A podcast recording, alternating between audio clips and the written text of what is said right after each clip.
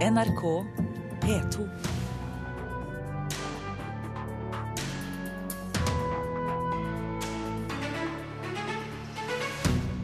NRK kan måtte kreve betaling for å bruke nettsidene. Det er i hvert fall forslaget fra Høyres mediepolitiske talsmann som han ønsker å få på bordet, og som vi straks debatterer her i Kulturnytt. Forfulgte forfattere velger seg bort fra Norge fordi det er vanskelig å få bli utgitt på norsk. Og nobelprisvinner Patrick Modiano skriver videre på sitt minneprosjekt, og vi anmelder hans nyeste bok. I tillegg hører vi fra pianist Leif Ove Ansnes, som i går kveld fikk to store priser i London. Men først altså om eh, lisensen og NRKs fremtid. Høyres mediepolitiske talsmann Korstein Eidem Løvaas vil innføre betalingsmur på NRKs nettsider. Det skriver Aftenposten i dag. Han ønsker i hvert fall å få dette forslaget på bordet. Kringkastingssjef Tor Gjermund Eriksen har lite til overs for forslaget? Det syns jeg er et veldig dårlig forslag, og kan bare ha den hensikt å svekke NRKs eh, posisjon og tilbud for eh, publikum. Det sier kringkastingssjef Tor Gjermund Eriksen. Folk i Norge betaler i dag lisens. Eh, det er stor oppslutning om lisensen. Hvis man i tillegg skal betale for å bruke nettilbudet, så tror jeg så blir det dyrt. Det er det ene. I, I, tillegg så blir det ganske rotete det hele. Forslaget om at man skal betale for å bruke NRKs nettjenester kommer få uker etter at en rapport bestilt av Kulturdepartementet slo fast at NRK ikke truer andre medier på nett. Det er jo til å undres mye over, fordi man eh, setter altså til side, eh, ser det ut som, eh, rapporter som er forskningsbasert, og som viser at Norge har et mediemarked som er i god balanse. Det er god konkurranse, det er stort mediemangfold. Samlet sett så er dette en sterk svekkelse av en allmennkringkastermodell eh, som virker eh, veldig godt, og som har stor oppslutning hos publikum. Sa altså kringkastingssjef Tor Gjermund Eriksen. Kårstein Eidem Løvaas, eh, mediepolitisk talsmann i Høyre. Hvorfor eh, vil du ha dette forslaget frem? Jeg er veldig enig med kringkastingssjef eh, Tor Gjermund Eriksen at lisensen har stor oppslutning. Og det er ikke bare lisensen som har stor oppslutning, NRK har stor oppslutning. NRK er populært, og jeg som veldig mange andre vi er veldig glad i NRK. Og det er viktig å ta vare på dem også i fremtiden. Det som er et faktum, og som også kringkastingssjefen vil være enig i, er at salget av TV-apparater begynner å gå ned, og kommer til å gå ned i årene fremover. Dvs. Si at inntektskilden til NRK over tid tid blir borte. Man trenger en annen måte å finansiere NRK på. Eh, nå syns jeg det er eh, et poeng å ta en diskusjon om hvordan vi skal eh, finansiere NRK. Det er, er din bekymring altså at NRK ikke vil få nok penger? Ja, Når kringkastingssjefen sier at det vil svekke NRK, så er jo det litt interessant. For det er jo ikke nødvendigvis riktig med, med det som vi diskuterer nå her heller. For hvis du tenker deg at du som i dag betaler lisens, får lov til å logge deg på NRK med lisensnummeret ditt. De som i dag ikke betaler lisens, de må betale for å logge seg på NRK. Det ville bety økte inntekter til, til NRK. Og det tror jeg nok også kringkastingssjefen ville, ville satt pris på. Men utfordringen Utfordringen er jo at eh, vi, vi, har en ordning som kommer til å dø ut over tid, og vi er nødt til eh, å ikke bare forsvare status quo, men å se på hvordan kan vi løse at NRK får forutsigbare og rettferdige inntekter også i fremtiden. Arild Grande, mediepolitisk talsmann i Arbeiderpartiet. Hvordan reagerer du på det som er kommet frem? Nei, Jeg syns det er et eh, svært dårlig forslag. Eh, jeg har ikke møtt noen som mener at de betaler for lite i lisens. Eh, tvert imot så tror jeg at mange føler at nivået på lisensen er greit nok i forhold til det tilbudet som du får, og mange er fornøyd med den måten å finansiere NRK på. Det å skulle begynne å kreve inn ekstra penger fra folk for at de skal bruke nrk.no, det tror jeg er svært dårlig. Men også at det vil svekke NRK, fordi at det vil være mindre trafikk på NRK sine sider. Og dermed så vil tilbudet til befolkningen, til barn, til eldre, til eh, minoriteter, til urbefolkning, bli betydelig svekka. Og derfor så vil vi eh, gjøre alt vi kan for å stoppe et sånt forslag. Samtidig er mange land som ser på andre måter å få lisens på, fordi TV-apparatene er eh, snart en ting av en annen tid. Ja, og Det er jo interessant å diskutere hvordan kan vi sikre en sterk og god allmennkringkaster også i framtida. Men det forslaget som nå har kommet på bordet fra Høyre, Eh, og også Fremskrittspartiet, så vidt jeg ser i Aftenposten, eh, er jo kun egnet til å, eh, at folk må betale mer Eh, og at eh, NRK eh, sitt tilbud blir dårligere, og at trafikken blir svekka. Det er det minste vi trenger nå. Finansieringen av NRK er en liten del av allmennkringkasterrapporten som kommer i, i, juni. Når Arild Glade snakker om at det er snakk om å betale mer i lisens, så er ikke det det vi diskuterer. Det vi diskuterer er om vi skal si at du som i dag betaler lisens, du får en pålogging til nettproduktet, mens du som ikke betaler lisens, skal betale ekstra. Ellers er det interessant når Grande sier at jeg tror ikke folk vil betale mer lisens. Det tror jeg jeg er enig med han i det. Det var også en av av grunnene til at vi ønsket at lisensen skulle være noe lavere da vi la frem budsjettet, noe som Arbeiderpartiet gikk imot. De ønsket en høyere lisens. Så her taler han litt, grann, eh, rir han litt to hester Men i, samtidig. Men ifølge Aftenposten i dag så er din bekymring også mediemangfoldet i, i Norge, og du foreslår at NRK-plakaten kan inneholde nettopp den ene setningen, og bare den, at eh, NRK skal sikre mediemangfoldet. Ja. Hvordan mener du at det du foreslår, kan sikre mediemangfoldet? Jeg mener at eh, det vi foreslår nå er et ledd i og en overgang til en fremtidig eh, betalingsordning som også vil tåle tidens tann når lisensen sakte, men sikkert dør ut. Så er det viktig å sikre mediemangfoldet. NRK har en helt unik posisjon, og den posisjonen tror jeg NRK skal ha i fremtiden også. Men det er samtidig et faktum at én av fire journalister i Norge jobber i NRK. Så det er Norges Norges største mediehus, Norges viktigste mediehus. Men det er ikke noe mål at NRK nødvendigvis skal bli større eller sterkere. Det er et fortsatt mål om at de skal være best, og det tror jeg kanskje er vi må se på, ikke, ikke antallet journalister. Har NRK hatt feil mål, da, Grande? Eh, nei, tvert imot så eh, opplever jeg at eh, NRK har veldig stor oppslutning i befolkningen. Og kanskje i påska, som det nettopp er lagt bak oss, så ser vi noe av betydningen NRK har som samlingspunkt for hele nasjonen i forhold til beredskap osv. Og Derfor så mener jeg at forslag som vil svekke NRK, handler jo egentlig om forslag som vil svekke tilbudet til befolkningen. Eh, Derfor er jeg mot at du skal innføre dobbeltlisensiering, som uh, Kårstein Løvaas og Høyre nå tar til orde for. Derfor er jeg mot at vi skal fjerne vesentlige deler av NRK-plakaten, nettopp fordi det sikrer at barn og unge Eh, og folk over hele landet får et godt tilbud. Eh, og det skulle bare mangle at vi kan stille denne type krav er, til NRK er, når vi betaler så mye lisens. Det, det, er jeg helt enig med Grandi og Det er ikke snakk om en, en dobbeltlisens. Det derimot Arbeiderpartiet tar, tar til orde for, er en husstandsavgift. At alle husstander i Norge skal betale en skatt, uavhengig om de bruker tilbud eller ikke. uavhengig hvor mye de bruker eller ikke. Bare man har en smarttelefon, ja, vi, ønsker. Vi ønsker en rettferdig, forutsigbar og, og en forbrukervennlig ordning for, som sikrer NRK også Men er det de private mediehusene eh, dere tar hensyn til? Fordi selv om disse rapportene vi hørte at du ikke eh, tror holder vann, viser at NRKs nettsatsing ikke truer Eh, privates muligheter på nett. Det er veldig viktig å både innhente forskning og rapporter, men også forholde seg til virkeligheten. Eh, store deler av disse rapportene har veldig mye godt i seg, men en av konklusjonene til en, en av rapportene er at NRK ikke er, en, eh, ikke er, et hinder på nett. Ni av ti norske medier opplyser og forteller og sier at de opplever NRK som, en, som et hinder, at det vanskeliggjør deres satsing på nett. Og det er virkeligheten, og det er litt forskjell på virkeligheten og en rapport. Du skal få ordet, Arild Grande, men er det ikke også sånn at et av NRKs oppdrag er å tilgjengelig tilgjengeliggjøre alt stoffet, og, og der er det på nettet folk er? Jo, og, og, og, folk kommer i enda større grad til å være på nettet i fremtiden. Det er jo litt av kjernen i problemet, at de forsvinner fra TV-apparatene og inn til nettet. og Hvis vi ikke da har en finansieringsordning, ikke dyrere enn i dag, men en rettferdig finansieringsordning, så vil NRKs uh, på tid svekkes. Vi, vi, vi, kommer til å sørge for at NRK fortsetter å være sterk med vår fordi Arild Grande skal få si noe også. Det er jo derfor det er så rart at man skal innføre betaling for å bruke nettet. For det er nettopp der eh, mange, særlig unge, eh, lever store deler av fritida si. Og jeg mener at det er viktig når vi nå Eh, sørge for at eh, fellesskapet finansierer NRK, enten det skal være eh, avgift eller det skal være lisens i framtida, så er det viktig at ordningen må være rettferdig, og at innholdet til NRK skal være tilgjengelig for alle. Og Det å innføre enda flere murer på det vil bare svekke NRK. Jeg tror også det vil svekke mediemangfoldet. Dette forslaget får vi høre mer om. Takk skal dere ha, Ari Grande fra Arbeiderpartiet, Korstein Eidem Løvaas fra Høyre.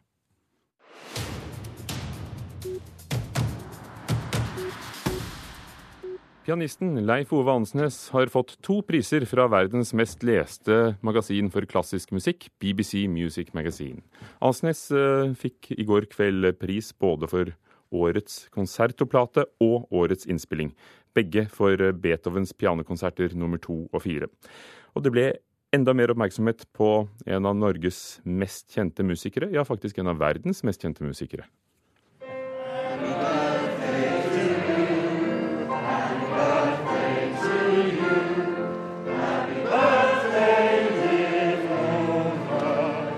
Her synger en hel sal full av musikere og elskere av klassisk musikk for Leif Ove Ansnes. Ansnes, som har fødselsdag, men også nettopp har mottatt prisen for årets innspilling, og som tidligere på kvelden fikk pris i kategorien Best konsertoalbum. Jeg har vunnet en del priser, bl.a. Gramophone Awards, og da har jeg vunnet innenfor en, en, kategori. Og det gjorde jeg også i kveld, vant uh, innenfor concerto. Det er jo en egen kategori for det. Men i kveld så vant jeg jo også Record of the Year, og det er jo rett og slett uh, den platen i året. Og det må jeg jo si, det er jo veldig stas. Um, det, den har jeg ikke vunnet før. En smakebit av Ansnes fikk det entusiastiske publikummet også.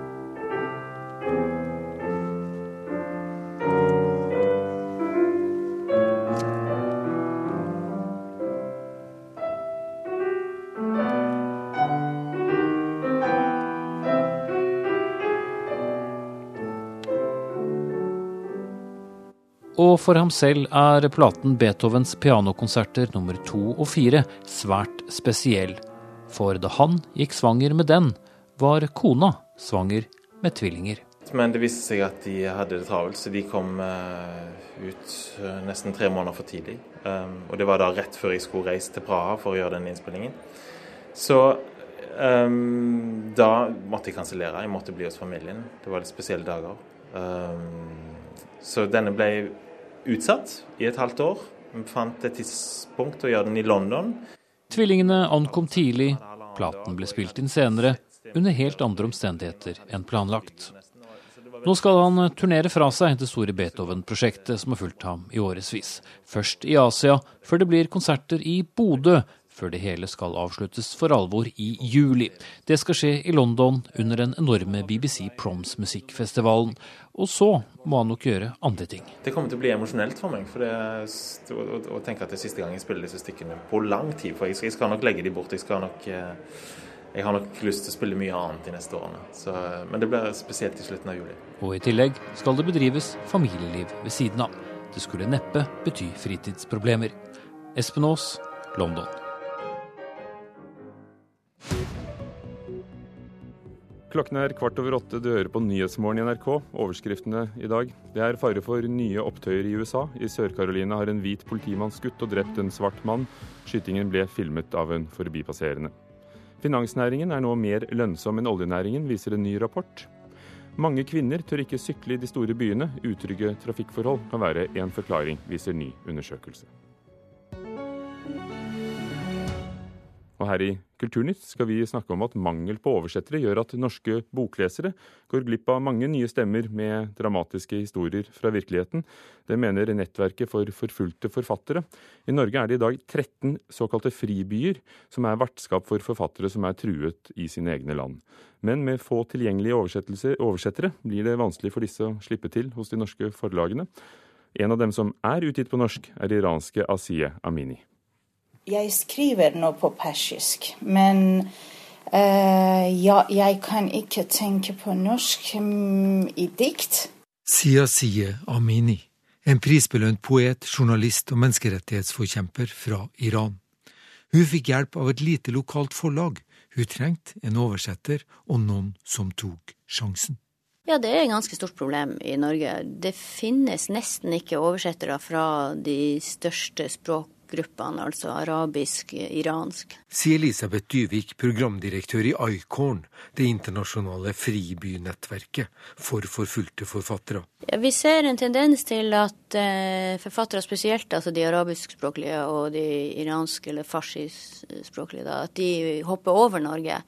De henvender seg til eh, engelskspråklig publikum. Tysk får de oversettelse, men faktisk også Sverige. Altså I Sverige er det et mye større miljø, spesielt for de iranskspråklige. Det finnes både oversettere, men det finnes også eh, iranske forlag. Slik det er nå, går norske lesere glipp av fortellinger fra en langt mer dramatisk og rå virkelighet enn vår egen.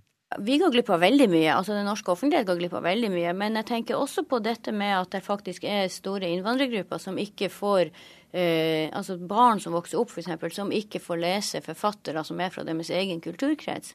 I Norge er det 50 forfattere og journalister som er eller har vært fribyforfattere. Dyvik mener det er et problem at de store forlagene ikke er tungt inne på banen her. Det har jo noe med, med hvem skal støtte disse, disse oversettelsene å gjøre. og det, Så vidt jeg vet så går det meste nå gjennom forlagene. Det vil si at man kan ikke få noe støtte for, for eh, oversettelser hvis man ikke først har fått antatt manuskriptet. Og hvis da ikke forleggeren kan lese manuskriptet ditt, så blir det jo litt sånn cash 22. Bjarne Buseth, informasjonssjef i Gyldendal Norsk Forlag, bekrefter Dyviks beskrivelse. Ja, jeg kan bekrefte at uh, dette er en krevende situasjon. Uh, vår redaksjon for oversatt skjønnlitteratur vurderer jo tusenvis av fremmedspråklige titler hvert år. Jeg tror ikke ett enkelt forlag kan ta et grep for å løse denne utfordringen. Det må vi eventuelt gjøre på bransjenivå, via forlegger eller forfatterforening, eller ved litteraturpolitiske virkemidler. I Trondheim ligger et lite forlag som har valgt å gi ut fremmede stemmer. Og de er vel landets ledende i så måte. 14 bøker har det blitt siden 2004. Det kan bety mye for disse forfatterne å kunne komme til Norge, eh, få arbeide i trygghet eh, og få konsentrert seg om sitt litterære arbeid. Eh, men samtidig så mm, vil de jo gjerne kommunisere med et publikum. Og det publikummet blir jo etter hvert potensielt et norsk publikum. Sier forlegger og eneste ansatte i Kommunikatio forlag, Sverre M. Nyrønning. Det er ingen gullgruver, men altså er, man kan vel kanskje si det slik da, at det er likevel en forpliktelse. Og reporter var Lars Erik Skjærseth. Anne Katrine Straume, litteraturkritiker i NRK.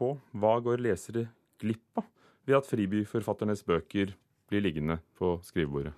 Vi går i eh, verste fall glipp av stor litteratur. Jeg syns det er synd hvis ikke disse stemmene høres. Én ting er at de har veldig ofte eh, spennende historier å fortelle, sterk litteratur. Men det er noe med at stemmer også fra fjerne land og kulturer kan hjelpe til å berike og utdype den litteraturen som kanskje blir litt homogen, som vi har eh, her hjemme. Du har lest flere tekster som er skrevet av fribyforfattere i Norge. Hva skriver de? Hva er det? Det er vel en fellesnevner om at overgrep, eh, forfølgelse, tortur er eh, sentrale temaer. Eh, mange av dem har jo opplevd dette på kroppen. Mange har blitt nektet å skrive i de landene de kommer fra. Det er også en stor overlevelsesvilje der. Og samtidig så skriver mange da, når de er kommet til dette nye landet, om savnet etter hjemlandet og savnet etter den bakgrunnen de, de har reist fra. Vil du si at forlagene har et spesielt ansvar for å utgi også disse bøkene? Ja, jeg mener jo at de store forlagene bør ta et større ansvar for å få denne litteraturen tilgjengelig. Um, men det, jo, det skal jo sies at uh, alt som skrives er jo heller ikke um, like godt. Altså det er et smalt uh, og lite nåløye å komme ut og få utgitt bøker i Norge. Mange, fra, i hvert fall fra arabiske land, skriver lyrikk. Lyrikk selger ikke stort, ikke sant? så det er ikke mange penger å tjene på å utgi dette. Men kanskje kunne man sette av en bitte liten prosent av overskuddet på krimbestselgerne, og så tenke at ja, men her, her, skal vi få noen nye og annerledes og, og stemmer utenfra ut på, på det norske språk. Og det bør kanskje komme ett sted før, før det kan nå andre land og andre språk? Ja, det er jo en del av disse eh, tekstene som skrives som også oversettes til engelsk, f.eks. Kanskje de skrives på, på, på, et originalspråk, et arabisk språk eller eh, et farsi, eller hva det nå, måtte være. Eh, Penn-klubben har gjort en god ting. De har gitt ut tre tror jeg det er nå, antologier med tekster fra fribyforfattere. Og da er det, det kan være noveller, små romanutkast, eller det kan være dikt. Og noen av dem er da gitt både ut på norsk og engelsk. Altså tekstene står opp mot hverandre, så du kan lese teksten både på engelsk engelsk og på norsk. For jeg skulle til å si det, Er det ikke andre som også kan ta et ansvar? Det er ikke lenger en heksekunst å få trykket en bok? Nei, og her er det jo altså, Penn har hatt støtte både fra Fritt Ord og fra Kulturrådet til å gi ut disse antologiene. Eh, jeg tenker også at aviser, eh, massemedier, har et ansvar for å få stemmene hørt. Få dem ut og skrive debattinnlegg, kronikker. Eh, få dem til å synes. Noe som også Penn har, har gjort, er jo det at de har koblet disse forfatterne med norske forfattere. F.eks. For har vi en forfatter fra Jemen, Mansour Raji, en poet som satt 15 år i fengsel, og som har gitt ut tre diktsamlinger i Norge, eh, dikt, dikt, diktsamlinger her, sammen med Tor Obrestad, eh, en norsk poet. Og det har vært et veldig fruktbart samarbeid. Takk skal du ha, Anne Katrine Straume.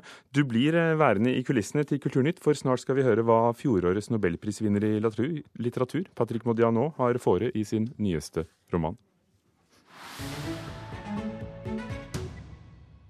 Det må settes en internasjonal foreldelsesfrist for hvor lenge etterkommere eierne til kunstverk kan kreve dem tilbake, mener museumsdirektøren ved Albertina-museet i Wien, Klaus Albrecht Schrøder. Han sier dette til The Art Newspaper. Uten å glemme krigens lidelser og nazistenes overgrep, mener han at også de som mistet kunst stjålet av nazistene, eh, bør en gang eh, se at den er tapt, og at museene kan beholde dem. For i dag finnes det en avtale fra 1998 hvor land frivillig ser bort fra foreldelsesfristen for slike saker når det gjelder andre verdenskrig. Kunsthistoriker Tommy Sørbø, hva syns du om forslaget fra Albertina-museets eh, sjef? Eh, ja, altså hvis man gjør et unntak akkurat for eh, holocaust og for eh, det tyveriet, kanskje så mye som 600 000 kunstgjenstander, stjal jo Hitler-regimet rundt omkring i de okkuperte landene. Så, men hvis man ser bort ifra akkurat det, så, så, så, skjønner jeg veldig godt poenget. fordi at hvis man skulle begynne å føre tilbake hver eneste gjenstand, kunstverk, kulturhistorisk interessant klenodium, der hvor det en gang var tatt, eller, eller gitt eller funnet, eh, så, så blir det en, en, nesten helt umulig prosess. Da må obelisker reise fra Roma til Egypt, og halve Louvre blir sendt tilbake til Nord-Italia? Det må det da, og når det kommer tilbake til Nord-Italia, så kan man jo si eh, ble det tatt fra et kunstmuseum? Ja vel, men hvor tok det kunstmuseet det fra? Jo, de tok det fra en kirke, og der var det andagsbilder. Og kunstneren for 500 eh, år siden han malte, hadde aldri tenkt at det skulle være på et kunstmuseum osv. Men det... hvorfor dette unntaket, mener du? For det er her sjefen for Albertina-museet sier at dette skal ikke være noe unntak en eller annen gang, la oss si 30 år frem i tid, sier han bør dette også gjelde nazistenes ugjerninger. Fordi hvorfor er det annerledes den lidelsen enn første verdenskrig eller den franco-prøyssiske krigen i 1870, sier han. Eh, jeg tenker at det har noe å gjøre med den nitidighet som tyskerne eh, tross alt registrerte sin forbrytelse på. Eh, de hadde navnlister, de var veldig grundige. Hele det liksom prøyssiske byråkratiet gikk jo inn i tjeneste til det onde, så å si. Og så lenge man har navn og, og, og direkte kontakt med eh, de personene Det er jo borte, selvfølgelig. Det blir jo barn og barnebarn og oldebarn etter hvert. Og, og, selvfølgelig må det også være en grense for det. Men akkurat den systematiske plyndringen som Hitler drev med, eh, og til og med registrerte det, så langt man har muligheter til å føre det tilbake, så syns jeg man skal gjøre det. Men også russere og Stalin og Napoleon plyndret systematisk? Ja, men eh, så selvfølgelig. Det, det, det, blir en grense til slutt, og det blir mye synsing her, da. Skal man f.eks. føre Parthenon-frisen tilbake til Aten? Det var jo ikke et nasjonalmonument da lord Elgin tok det for 200 eh, år siden, eller, eller fikk, fikk, det av den tyrkiske eh, herskeren som da styrte i Aten. Da var jo ikke Aten, det var jo ikke nasjonalskatt. Så det er veldig problematisk. Jeg skjønner veldig godt eh, forslaget, men ja. Og nettopp i Østerrike så har jo museene gitt fra seg eller da betalt store summer for å beholde verk til etterkommere av jødiske familier som ble ranet, plyndret. Ser du på det på en måte som en, et lite oppgjør etter krigen? Ja, det er klart man kan gjøre det. Altså at man, eh, man, eh, Ja, eh, absolutt. Nå er det jo blitt veldig aktualisert ved denne Gurlit, da. Denne kunstsamleren, eller sønnen riktignok. Etterkommere av nazistenes gallerist. Ja, som skulle samle kunstverk til Hitlers eget private museum i Linz. En stort gigantmuseum som skulle ta konkurransen fra Louvre. Og han hadde jo samlet litt på egen hånd og tatt vare på dette her. Så, men, men, men det finnes jo eksempler da på kunstsamlere som har stjålet stjålet med seg ting eh, i en betent krigssituasjon, og faktisk på den måten reddet disse bildene. Så det er altså hvem er bad guys og hvem er good guys? Det er litt problematisk, dette her. Du var good guy som kom til Kulturnytt. Takk, Tommy Sørbø.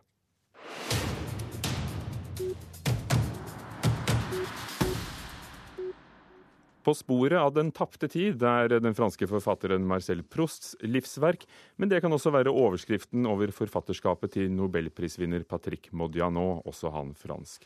Hans nyeste roman føyer seg tydelig inn i et minneprosjekt. Anne Katrine Straume, litteraturkritiker, hva mener du med det?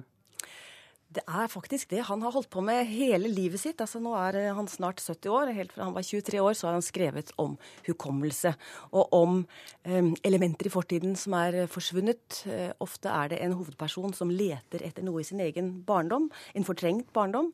Eh, I en roman så hadde jo f.eks. en privat etterforsker som til slutt begynte å etterforske sitt eget liv. Så hele tiden så er det noe av disse elementene på, på sporet av en tapt uh, tid. Nesten som en kriminal. Veldig mange krimelementer er det her. Det er tomme hus, mørke gater, eh, en mystisk person som ringer opp eh, og, vil deg noe. Eh, men vi får ikke disse tydelige svarene. Hvem, hva og hvor, som du gjør så det blir ingen tradisjonell krim. I denne romanen så har vi en hovedperson som blir, nettopp blir oppringt av en ukjent mann som sier at han har funnet adresseboken hans. Dette er en eldre forfatter som har mistet den adresseboken. Og så foreslår denne mannen som ringer at vil, han vil gjerne møtes, så han kan få overrekke adressen, adresseboken personlig. Når de møtes, så sier han at ja, jeg har jo falt for fristelsen til å bla litt i denne adresseboken din, og har hengt meg opp i et navn som han er interessert i i forbindelse med en kriminalsak. Og da blir vår mann da svar skyldig. Hvem var denne mannen, som han slett ikke husker, eh, og hva slags forbindelse kan han ha til denne kriminalsaken som ligger 40 år tilbake i tid, kanskje? Da Modiano fikk nobelprisen, var mange overrasket. Eh, selv ikke den franske kulturministeren hadde lest ham. Og vi hørte om, om, hans eldre bøker, eh, og det virker som eh, om det er de samme temaene som kommer igjen. Klarer han å fornye seg, eller blir det forutsigbart? Man blir ikke overrasket når man åpner en ny eh, bok av Patrick Modiano hvis man har lest noen før, for det er det samme han holder på med hele tiden. Nettopp denne letingen etter eh, hvem eh, vi er, hva det er i fortiden som gjør at vi er blitt den vi er. Um, det som gjør at han stadig kan leses med et nytt blikk, er at han har et veldig veldig presist språk. Og han, har, han skaper disse bitte små forbindelseslinjene, disse blaffene, tilbake til fortiden. F.eks. For kan det være et møte med et uh, ukjent menneske på gaten. Det kan være en, uh, musikk, et musikkstykke som plutselig kasser deg tilbake til fortiden. Og det er mer de små glimtene enn de store linjene og kronologien som er hans uh, mesterskap. da. Så du ikke går deg bort, heter den, oversatt til norsk av Tom Lotterington. Er dette en som du sier er en nobelprisvinner? Uh, vinner verdig? Ja, jeg vil jo si det at hvis man ikke kjenner til eh, forfatterskap, eller ikke eh, vet så mye om hva han holder på med, så kan man bli frustrert. Fordi det er nettopp denne uroen som ligger der hele tiden. Vi får ingen svar. Vi vet ikke hvor hovedpersonen kommer fra. Vi får ikke hans eh, familiehistorie. Så vi som lesere blir like urolige og angstfylte som hovedpersonene selv. Men det er en stemning som det er faktisk fint å, å være i. Takk, Anne Katrine Straume, Gjermund Jappé, Hanne Lunås, Ugo Fermariello hadde ansvaret for Kulturnytt. Hør flere podkaster på nrk.no podkast.